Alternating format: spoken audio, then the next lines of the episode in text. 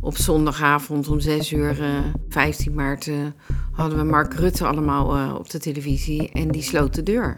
Drie jaar geleden stond de wereld op pauze. Hij altijd corona, wat is dit corona? Hij te veel vragen. Corona had ons allemaal in de greep Ik kon niet naar buiten, ik kon gewoon niks doen. en veranderde levens compleet. Ik kreeg een eh, telefoontje van mijn longarts dat ik huisarrest eh, had gekregen. Soms groots en rigoureus, Als ik dat gevoel terughaal, ja, dan ja, ik kan op tafel slaan, ik kan vloeken, ik kan pure onmacht. Dit is mijn coronaklap. soms stil en bijna onopgemerkt. Ik ben eenzaam That part of me was not happy. en ik voel me nu ook eenzaam. Er was onzekerheid en verlies. Ja, toen heb ik uiteindelijk ook de keuze gemaakt om gewoon geen contact meer te hebben met mijn moeder. Er waren spanningen, Een dag later ging er bij mij door de voordeur, was er een kogel naar binnen geschoten.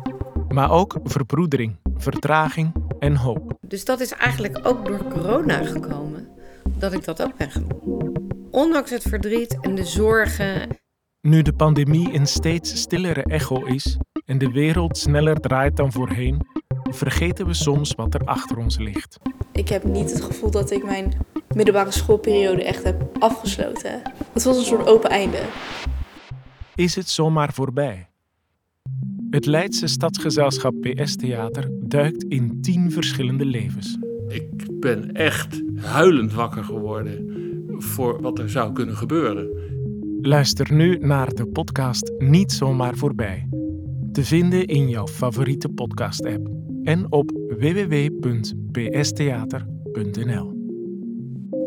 Staat hij aan? Wat? Hij staat aan. ja, even voor de zekerheid.